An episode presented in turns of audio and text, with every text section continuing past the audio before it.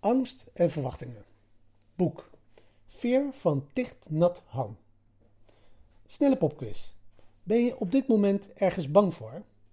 Pauzeer even en identificeer één ding waarvan je echt of een beetje stress van krijgt. Misschien is het iets met werk, relaties, financieel. Het maakt niet uit wat. Heb je hem? Oké. Nu kan ik je garanderen dat elke angst die je hebt verbonden is met een negatieve verwachting. Je denkt dat er iets misgaat. Misschien zelfs dat het wel heel erg verkeerd gaat. Het is duidelijk dat angst niet helemaal slecht is. In feite kan het om een aantal redenen zelfs superhandig zijn. Maar hier is het goede nieuws. Er is een opmerkelijk eenvoudige, niet altijd een gemakkelijke, manier om dit te verbeteren.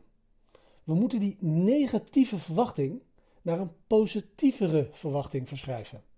Wanneer we dat doen, verschuiven we van angst naar enthousiasme. Klinkt simpel, hè?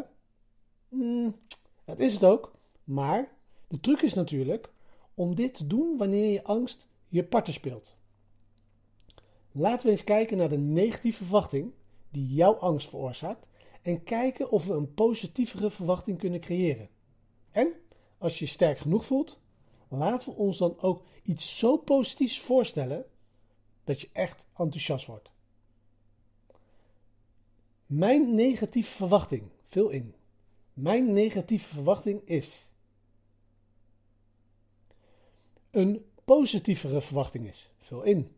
Een positievere verwachting is. En vul in een super positieve verwachting is. Hier heb je hem. Angst en verwachtingen. Samenvattend, als je angst voelt, kijk dan naar wat je verwacht dat er zal gebeuren. Het is negatief. Om van angst naar geloof, naar enthousiasme over te schakelen, moet je je verwachtingen verschuiven van echt slecht naar oké naar super positief. Dat is krachtig. En onthoud, de ultieme bron van vertrouwen is dat je weet dat wat er ook gebeurt, je hebt wat nodig is om erop te reageren. De anti-fragile stijl.